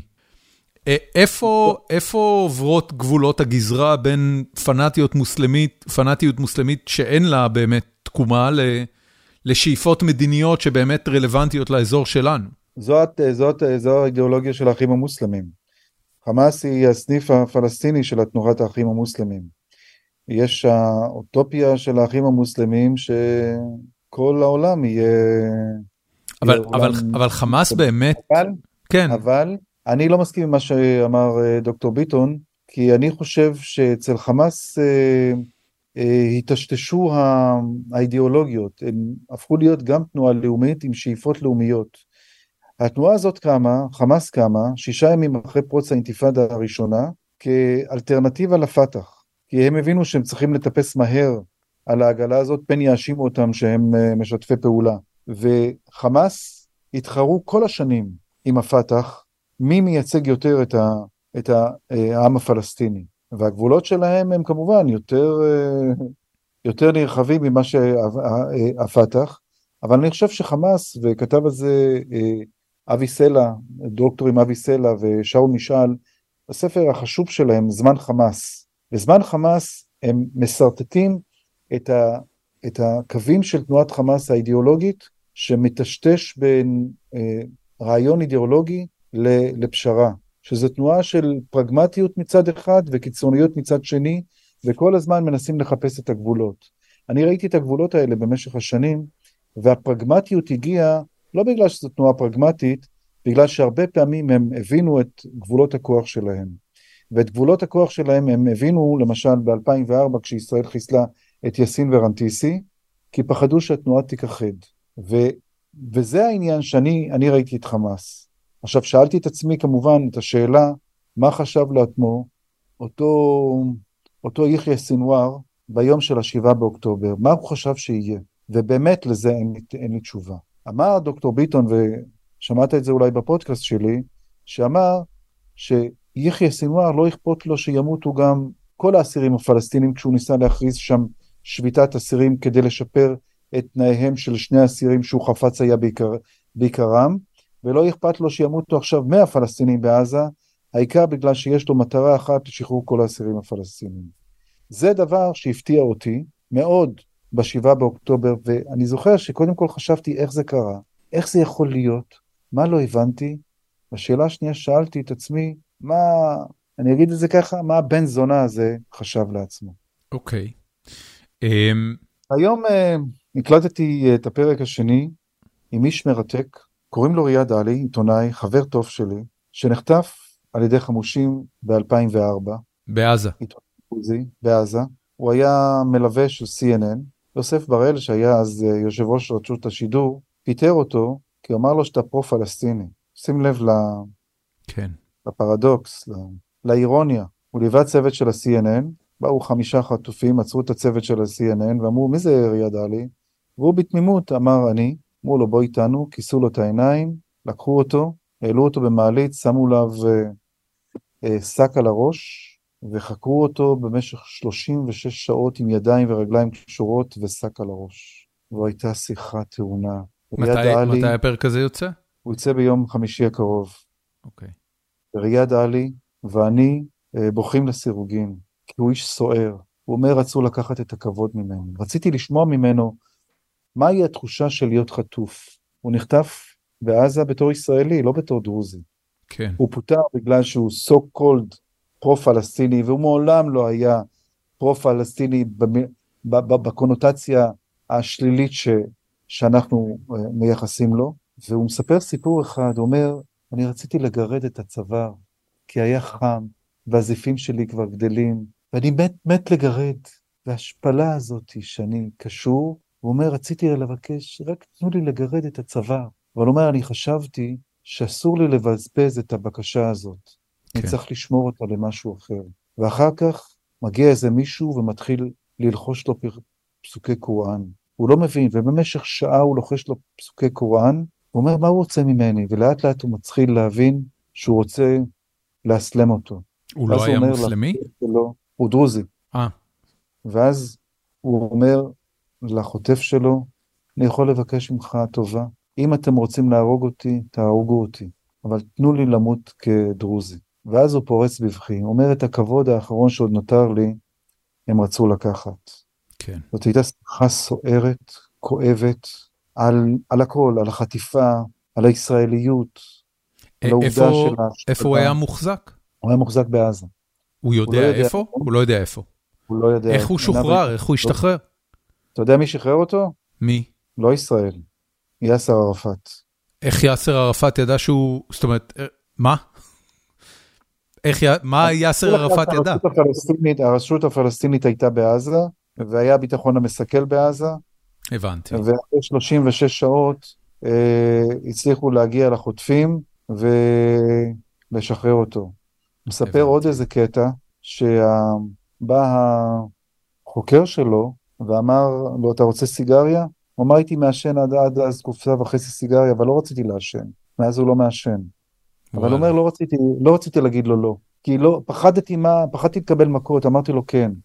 ואז הוא הדליק לו את הסיגריה, הרים לו כאילו את השק עד פה, עד, עד האף שלו, והוא מעשן, אבל הסיגריה נדבקה לשפתיים, והידיים שלו קשורות והוא לא יכול לעשות כלום, והוא נחנק מהסיגריה, וכבר זה הגיע לפילטר, והפילטר התחיל לחנוק אותו, והוא התחיל לבכות על ההשפלה הזאת. וואו. וכמובן, אחר כך הוא מדבר על איך הישראלים חוקקו את חוק הלאום, והוא אמר, אתם לא מבינים דבר כזה, אנחנו הדרוזים, אנחנו הפיילוט שלכם לציונות. אנחנו הפיילוט שלכם, וגם את זה לא נתתם לנו להיות. זהו, אה, כן. פרק שקרא אותו וקרא אותי. אני, אני, אני רגע אחד רוצה לשאול אותך, אמ, ושוב, אני, אני לא יודע כמה אתה בקשר או יודע כרגע, אבל אחד הדברים שלפחות אותי מפתיעים, זה עד כמה אה, העולם הערבי, לצד אה, רטוריקה של תמיכה במאבק הפלסטיני ובזכויות האדם של הפלסטינאים, אה, לא באמת מצטרף. אנחנו רואים פה ושם קצת הפגנות, אבל בסך הכל, גם מצד הרשות הפלסטינית בגדה וגם וגם במקומות אחרים, שקט יחסי. אני, אני אומר את זה נורא בזהירות, כי זה גם יכול להשתנות אה, מהר כן, מאוד. כן, זה יכול להשתנות כל רגע. כן, וגם אני, אני, רגע, אני רק, אני רק אגיד, כי זה עניין חשוב, אה, מה שקורה כרגע בגזרה הצפונית של מדינת ישראל, בעיתות שלום, היה נחשב לפתיחת מלחמה פרופר. אבל בתקופה הזאת נחשב לתגובה מהוססת ומינימלית. טוב, מהסיבה הפשוטה שישראל לא רוצה להיכנס למלחמה בשתי חזיתות, אני רק מזכיר לכם שזה עוד מחדל של ישראל, שאם חיזבאללה, עוד מחדל של נתניהו, למה להגיד ישראל? עוד מחדל של נתניהו, ולא רק נתניהו, גם אולמרט וגם, אבל בעיקר של נתניהו, אה, שאם חלילה וחס תיפתח אה, הרעה מצפון, יש מאה אלף קנים יותר מדויקים משל חמאס, שמכוונים לעבר ישראל. כן. וכמובן שישראל לא מעוניינת לפתוח חזית כזאת. אבל השאלה שלך, למה אתה שואל, למה אגדה שקטה? למה לא באופן כללי העולם הערבי אה, לא, לא, לא מתערב בצורה משמעותית יותר? זה לא בגלל שהוא לא יכול. כן, לא בגלל שהוא לא יכול. אני חושב ש... אני חושב, אני לא יודע, אני לא, אתה יודע, אפילו לא חשבתי על זה, כי אתה יודע, אני הייתי עסוק אה, בשאלות אה, הקרובות אליי יותר. אני חושב שרבים, בכל זאת, למרות אל-ג'זירה ולמרות הכל וזה, בכל זאת מבינים שזה משהו אחר, משהו פה נעשה. שחטו, אנסו, שרפו. זה לא, זה לא פיגוע מתאבד באוטובוס שהרג 32 ישראלים. זה משהו אחר. זה בעיקר, אני חושב, מדברים על אגדה. ואני אולי אצטט את חברי ריאד עלי, שאמר שם, ב-7 באוקטובר, ב-6 וחצי, ב-6.29, השעונים היו צריכים להיעצר. והשעונים נעצרו. אני חושב שכל מי שמנסה להבין מה קרה, קרה פה משהו אחר. האם האסלאם אגב, של הפת"ח, של אנשים בגדה, הוא שונה מהאסלאם של, של חמאס. מה זה אומר? הפת"ח, הפת"ח למשל, אמרו, אגב, לדוקטור ביטון שאתה הזכרת, מה שחמאס עשה לכם, עשה לכם, עשה לנו, סליחה, מה שהוא עשה להם ב-2007 בהפיכה, הם הזהירו אותו, יום אחד הם יעשו לכם. כי אז הבנו את האופי הרצחני שלהם. אז אגב, הפרידו ביניהם, בין הפת"ח לחמאס, לתאים נפרדים, והרחיקו מהם את האגפים. הם לא היו תמיד ביחד, אבל הפרידו אותם עוד יותר והרחיקו כי הייתה מלחמת עולם שם. ואני חושב שאתה יודע, גם שיש uh, uh, תאים מחבלים בגדה, זה משהו אחר. ואני לא מבטיח שאתה יודע, שיהיה שקט לאורך זמן, אבל זה משהו אחר, ואני אגיד לך עוד דבר, יש שם את הרשות הפלסטינית, שנתניהו החליש במתכוון כל השנים, וזה עוד אחד הדברים, הדברים הכי חשובים שצריך לספר אותם, שנתניהו במתכוון עשה דמוניזציה לאבו מאזן, שאבו מאזן ב-2015, אחרי רצח אה, בני הזוג מנקין בחברון, עמדה לפרוץ אינתיפאדה. עמדה לפרוץ שנייה הייתה אינתיפאדה, ואבו מאזן עם מנגנוני הביטחון הפלסטינים עמדו על הרגליים האחוריות שלהם, שלחו אנשים מהביטחון המסכל לבתי הספר, לבתי הספר התיכוניים, כדי לשכנע אותם ולדבר אל ליבם שלא יצאו מפגעים בודדים. הוא עצר בכוחו את האינתיפאדה שעמדה לפרוץ. יורם כהן, ראש השב"כ, נדב ארגמן, היו הולכים יושבים אצלו אצל אבו מאזן ודנים איך לעצור את האינתיפאדה, שיתופי פעולה ביטחוניים. ומה נתניהו היה אומר? מחולל טרור. כי זה היה נוח לבייס שלו, כי זה היה נוח לשאיפות הפוליטיות שלו, כי זה היה נוח להגיד, אי אפשר לעשות הסכם עם אבו מאזן, כי אז נצטרך להגיע איתו להסכם, ואז אולי נצטרך לוותר על שטחים טריטוריאליים בגדה. כי אין שלום בלי ויתורים, וזה נוח שיהיה חמאס שישלוט בעזה, שניתן לו לשלוט בעזה, ושיהיה לנו אבו מאזן חלש, שנעשה לו גם דמוניזציה, גם בקרב, לא רק בקרב הימין הישראלי, בוא נגיד סו קולד גם באלה שמחשיבים את עצמם מרכז ימין, מרכז שמאל, אני יודע איך נקרא לזה, אבל שלא יהיה אבו מאזן, שזה לא יהיה על הפרק. כן. עכשיו שהגענו על רגע האמת, אנחנו פתאום מתגעגעים לאבו מאזן. תאר לך הדבר המטורף הזה, שפתאום אומרים שהחלום הכי רטוב שלנו, שאבו מאזן וכוחותיו יחזרו ל...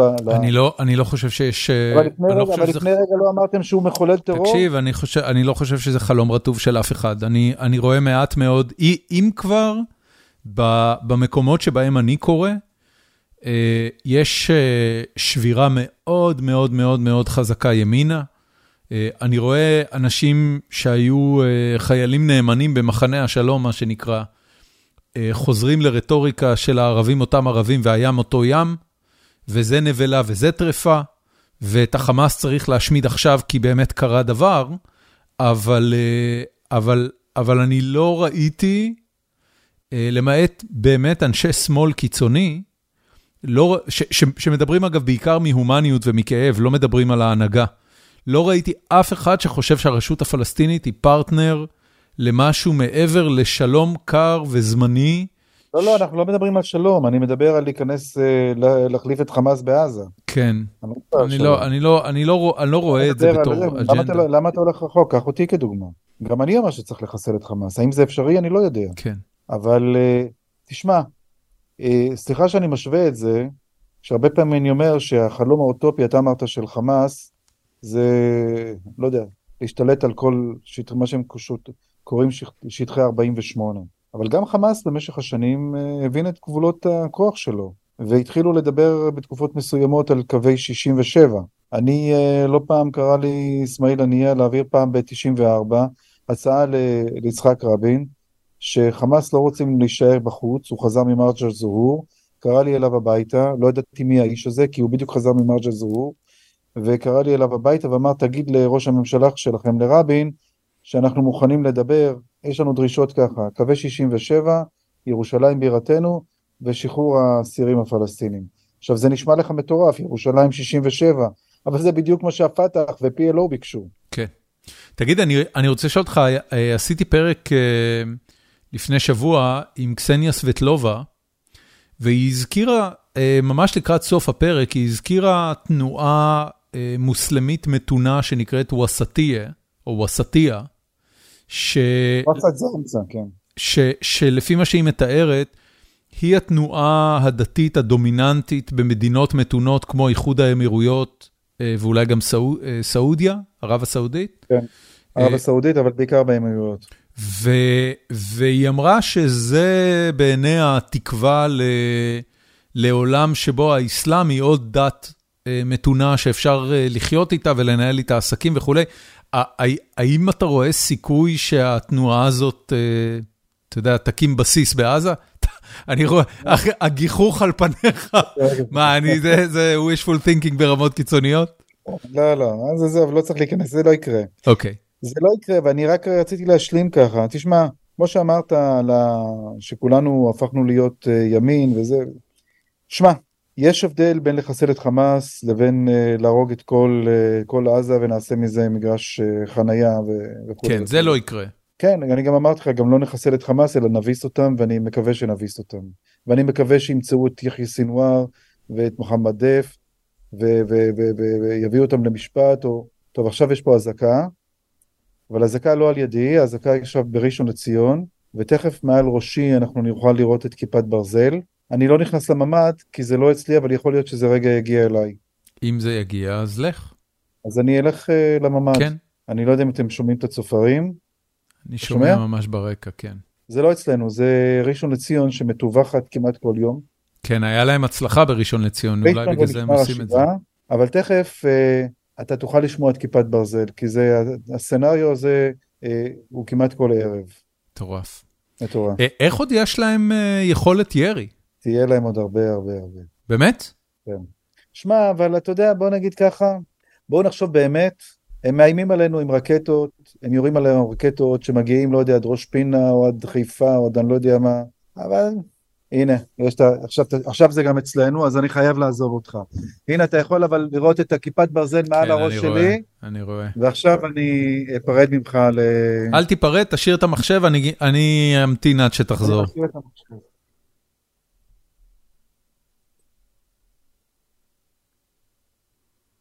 בסרט שלי, חיים יקרים, ביקשתי uh, מיהודה פוליקר uh, את השיר, ואלה הם חיינו בזמן האחרון. כן. יכול להיות יותר טוב, יכול לבוא אסון. לבוא אסון, ערב טוב ייאוש ולילה טוב תקווה. כן, כן. מי הבא בתור ומי בתור הבא. ופוליקר, ביקשתי ממנו והוא שר את השיר הזה Unplugged. וואה. והשיר הזה מתאים לנו היום. אני הצעתי ליהודה פוליקר שנעשה, שהוא יעשה, לא אני, אה, שיר שכמו שנהוג לעשות במשברים בעולם, של כל כוכבי העולם, כל כוכבי אמריקה למשל, נותנים שורה או... כן, uh, we, we are the world כזה.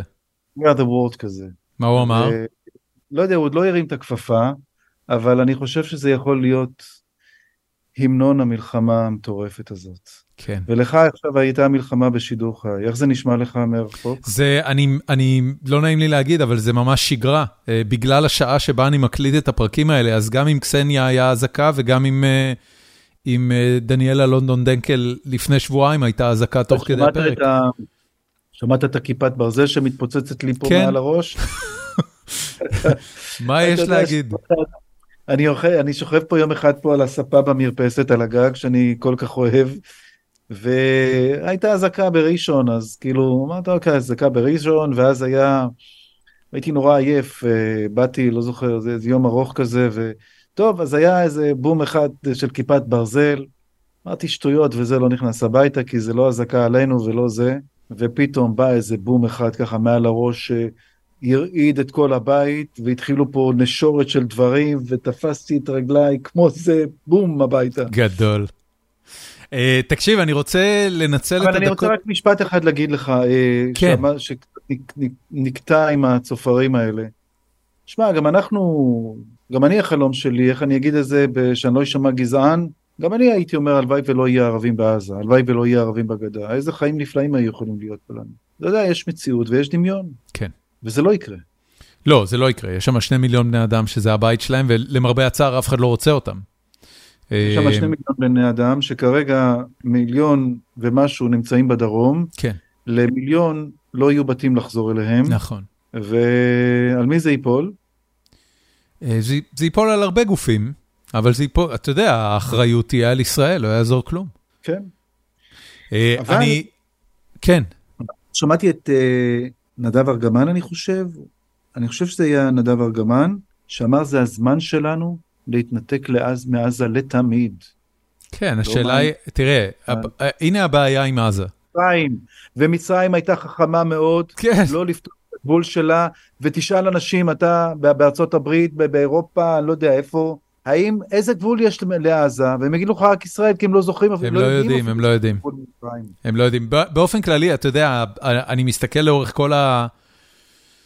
לאורך כל השבוע, השבועות האחרונים, על ההפגנות שמסתובבות להם בעולם, 90% מהאנשים שמפגינים שם לא באמת יודעים מהו המצב, זה, זה מה שנקרא virtue signaling, זה אנשים שמאותתים שהם בעד מה שטוב ונגד מה שרע, והם לא מבינים שום דבר, לא מהמורכבות ולא מחמאס שולט בעזה ולא חמאס כתנועה ג'יהאדיסטית אסלאמית, זה לא... נורא קשה להבין את זה, נורא נורא קשה להבין. אה, תקשיב, אני, אני... אני רוצה לשאול אותך שאלות uh, מאזינים, כי לא נשאר לנו הרבה זמן. כן. Uh, אז, אז ברשותך, תן לי, uh, תן לי לרוץ על קצת שאלות מהפורום שלנו. לרוץ, כי אני עוד מעט uh, צריך להתארגן. Uh... בצדק. אה, כן, כן. אז ככה, אורי קוקין שואל, האם התקשורת הולכת... רק אני אגיד, אה, כן. אני יודע לוודא, האנגלית שלי לא מושלמת. אין לי אנגלית מושלמת, הייתי עשר שנים בארצות הברית, ואתה יודע, יש גיל שהאנגלית לא...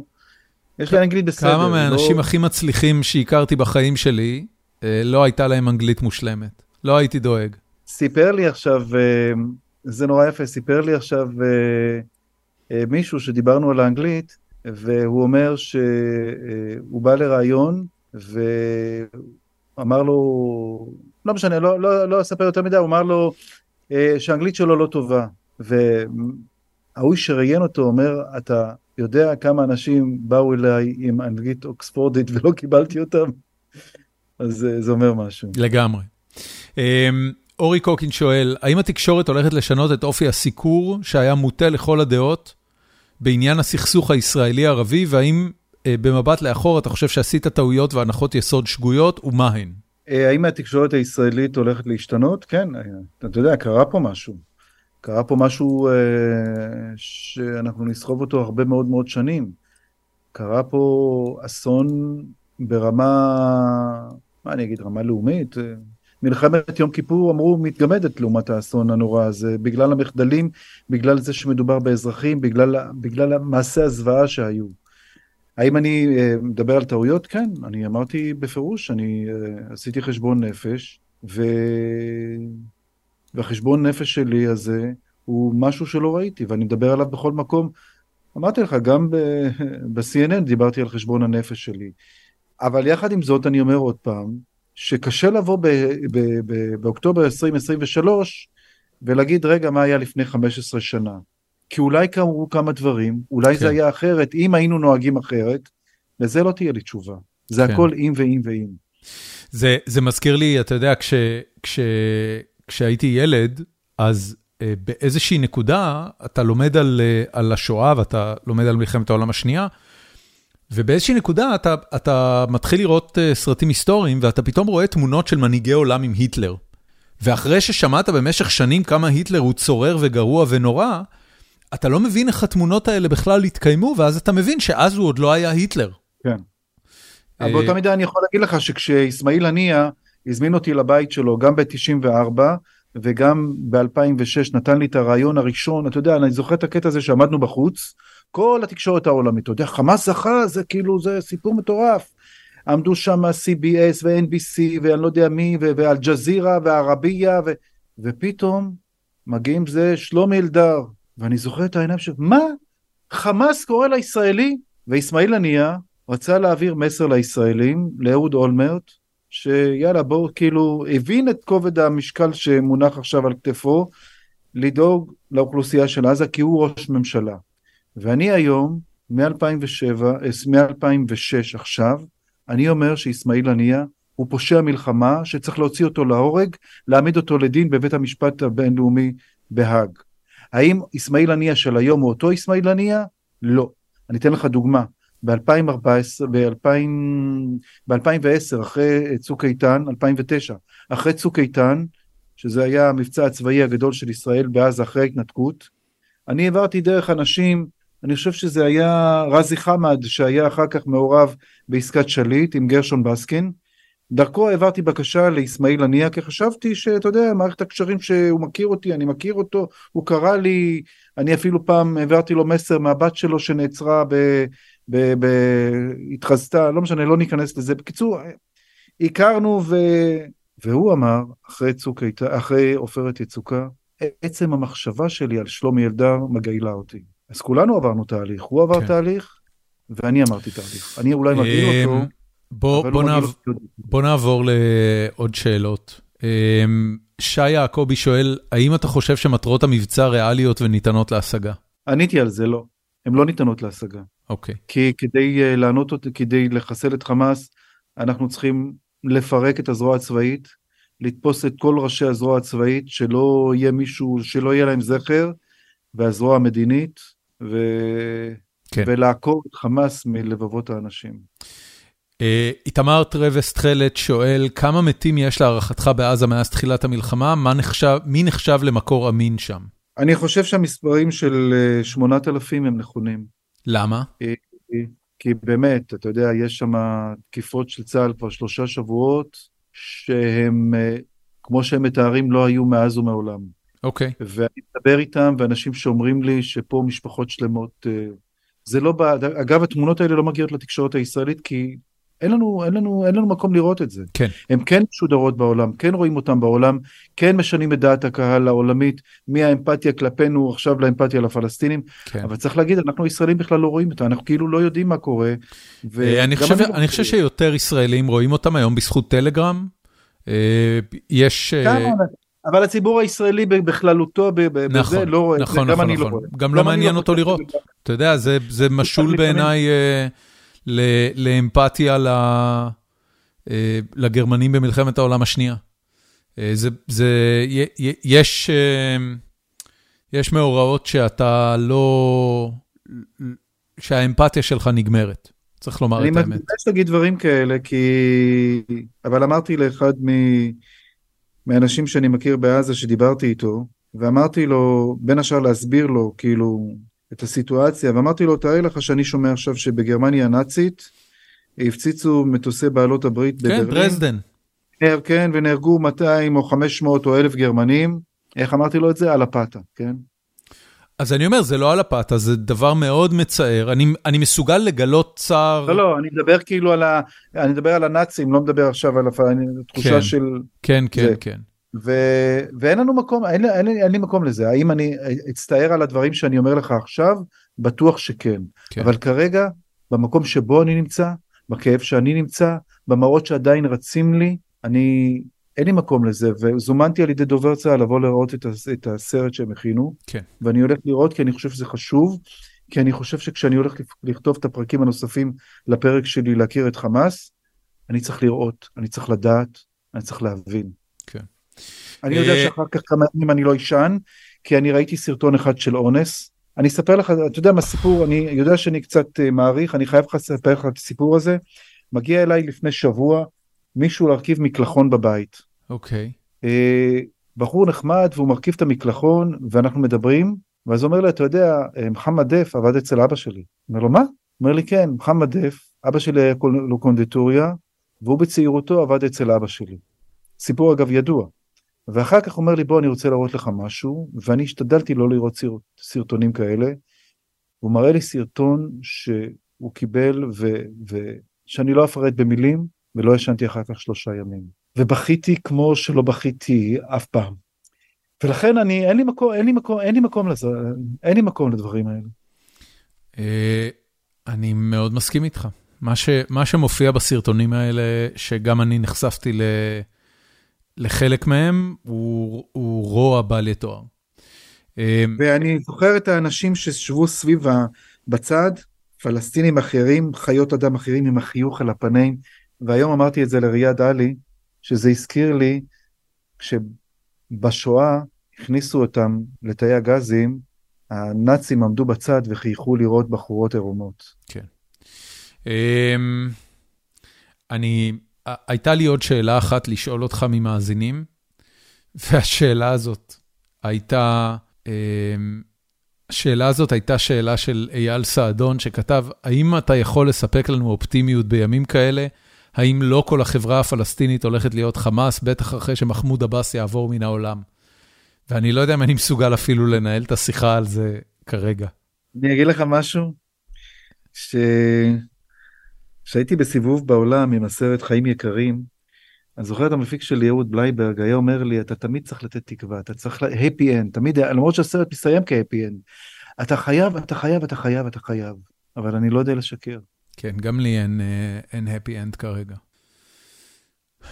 ה-happy end היחיד הוא ש, ש, אמ, שעוד שנה יהיה יותר טוב.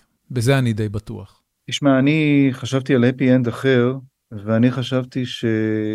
לא מתבייש, אמרתי לך, אני בוכה בכל סיטואציה, ואני כאילו מצדיק את המוניטין שיצא לי, הכתב הבוכה. אבל באמת אי אפשר ואני כבר לא מתבייש בזה, ראיתי את דני קושמרו בכל, בכל מצב, כי זה, מי שלא בוכה בסיטואציה הזאת הוא, כן. הוא אדם חזק יותר ממני. ו, ואני אמרתי את הדברים האלה, שאמרתי שדבר חיובי אחד לפחות, אם אפשר לקרוא לזה חיובי, יצא מזה, שראיתי את החברה הישראלית מתאחדת מחדש. ואני פוחד שזה, ששוב פעם טעיתי, כי אני חושב שסוגיית החטופים וסוגיית uh, ניסיון של נתניהו לשמור על כיסאו, תקרא את החברה הישראלית מחדש. הסיפור של החטופים יקרא את, החבר, את החברה הישראלית באופן כזה שכל ישראלי יצטרך לקבל החלטה האם זה מוות לחמאס או חיים לחטופים. אין, אין שני דברים ביחד, זה שתי, אין חיה כזאת של שניהם ביחד. כן. לכן גם התקווה שחשבתי שהיא, שאולי נקרא לזה, נסיים את השיחה הזאת בזיק של תקווה, גם בזה אני כבר לא כל כך בטוח. סליחה. לא, זה בסדר. אני, אני, אני שואב עידוד עצום מהתמונות שהתפרסמו היום של, של השבויה שצה"ל הצליח לשחרר. למה? אני, קודם כל, כי זה הרבה זמן לא קרה. אתה יודע, היה, היה ליוקרתו של צה"ל, לא יושבת על, על פצצות שנופלות על עזה. יוקרתו של צה"ל נופלת על, על אירועים חד פעמיים ונדירים בהיסטוריה, בין אם פעילויות חיסול מצד אחד, ובין אם זה פעילויות הצלה מצד שני. אבל ו... שלא ניתן לחשוב... לא, לא, אני לא, אני לא טועה, אני יודע. צה"ל הולך לשחרר את כל החטופים. אני יודע שהרבה ישראלים רוצים להאמין בזה, וגם אני הייתי מת. וואו, אני, אתה יודע, אני חשבתי על הרגע שבו חיילי צה"ל לוקחים את החיילת הביתה ואומרים לה, באנו לקחת אותך הביתה.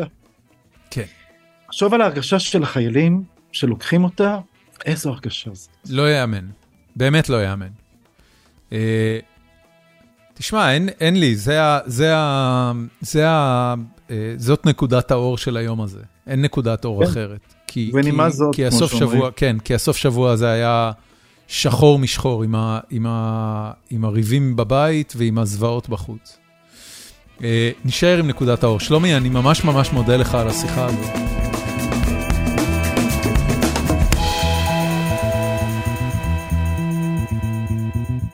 ועד כאן הפרק עם שלומי. אה, את החפירה שלי היום החלטתי להקדיש למשהו שממש ממש לא קשור אה, למלחמה, משהו מאוד פרטי ואישי, ואני אספר לכם גם בסוף למה החלטתי לעשות את זה, אבל, אבל בעיקרון רק כדי לנסות אולי להסיח את דעתכם מהיומיום המאוד מאוד כבד ו, וקשה שצריך להתמודד איתו. אני רוצה לספר משהו על עצמי.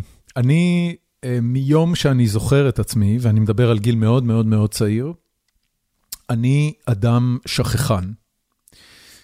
אני שוכח דברים ואני שוכח שמות. אבל היום אני רוצה לדבר על זה שאני שוכח דברים. שוכח פיזית. זאת אומרת, יש לי משהו שאני לוקח איתי, יש לי משהו שצריך להיות איתי, ואני שוכח איתו, ש- שוכח אותו. אני מהילדים האלה, כשהייתי צעיר, אני הייתי מהילדים האלה שההורים אומרים עליהם שמה שלא מחובר אליו, אמ, כנראה הוא ישכח, ומזל שהראש שלך מחובר לכתפיים, אחרת היית שוכח גם אותו. זה משפט שמאוד uh, היה מתאר אותי בילדות שלי. Uh, לאורך הילדות, אני מדבר על גילאי, בוא נגיד, מאז שאני זוכר את עצמי עד סוף תיכון, רשימת הדברים שאני אמ, שכחתי או איבדתי בסיטואציות כאלה ואחרות לאורך החיים שלי, כוללים מפתחות של הבית, אה, יותר מפעם אחת, ברמות שהיו צריכים להחליף את המנעולים בדלתות. אה, זה כולל אה, שלל צעצועים, לפחות פעמיים איבדתי ארנק. שלא היה בו הרבה, זה, הייתי בסך הכל ילד, אז זה לא שהיה תעודות או כרטיסי אשראי או משהו כזה, אבל אה, כן היה קצת כסף או דמי כיס או whatever, ואיבדתי ארנק. Uh, אני מנסה להיזכר אם היו דברים יותר גרועים. בטיול לחו"ל, הטיול לחו"ל הראשון שאי פעם עשיתי בגיל 15 או 16, אז uh, ההורים שלי נתנו לי uh, לסחוב על הגב, כדי להקל עליהם קצת. אה, תיק קטן עם כמה דברים, בין היתר הייתה שם, אז עוד לא היו מצלמות דיגיטליות ולא היו טלפונים סלולריים, אבא שלי היה מסתובב בטיולים בחו"ל עם מצלמת פילם גדולה, מכובדת כזו, עם עדשות מתחלפות, אחת לזום ואחת אה, אה, עדשה רחבה, מה שנקרא wide angle, כדי לצלם תמונות יותר פתוחות. ואני הייתי כאילו העוזר צלם שלו, הייתי סוחב בתיק על הגב את העדשות spare ופילמים spare וזה. ואם אני לא טועה, בגן החיות של וינה, אני מקווה שאני זוכר את זה נכון, אה, שכחתי את התיק הזה באיזשהו מקום, אין לי מושג אפילו איפה, וחצי מהפילמים אה, של הטיול, פלוס אה, העדשות שלא היו מורכבות על המצלמה באותו רגע, ואבא שלי החזיק, הלכו ביחד איתם. לא שוכחים לי את זה עד היום במשפחה, זה מסוג הדברים שממשיכים להזכיר לי אותו גם, מה זה כבר, 35 שנה אחרי. השכחות האלה לא הפסיקו גם לאורך שנות ה-20 וה-30 שלי. זה, זה, זה קטע נורא מעניין, כי אין בשכחות האלה שום דבר שמשליך על אזורים אחרים בחיים שלי. אני בן אדם יחסית מתפקד ויחסית מוצלח בהרבה מאוד אספקטים, אבל העניין הזה של השכחה אה, נוכח מאוד, ואשתי מכירה אותו היטב. והשכחה אולי הגדולה ביותר שהייתה לי, הייתה לפני שלוש שנים. אה, בטיול סקי, שבו אה, קבעתי להיפגש עם חבר באירופה לעשות סקי ביחד שבוע, וטסתי מארצות הברית, וזה היה באישגל, שזה אה, כפר אוסטרי מהמם, וכדי להגיע לשם, ארה"ב, זה חתיכת מסע, הייתי צריך לטוס מאוסטין לשיקגו, ל... מה, מה זה היה? הייתי צריך לטוס לאיפשהו באירופה, ובסוף הגעתי, אה, למינכן, ומשם לקחתי רכבת לאינסברוק, ובאינסברוק הייתי צריך ללון לילה, ולמחרת בבוקר להיפגש עם הקבוצה שחבר שלי הגיע איתה מהארץ. לנתי במלון באינסברוק,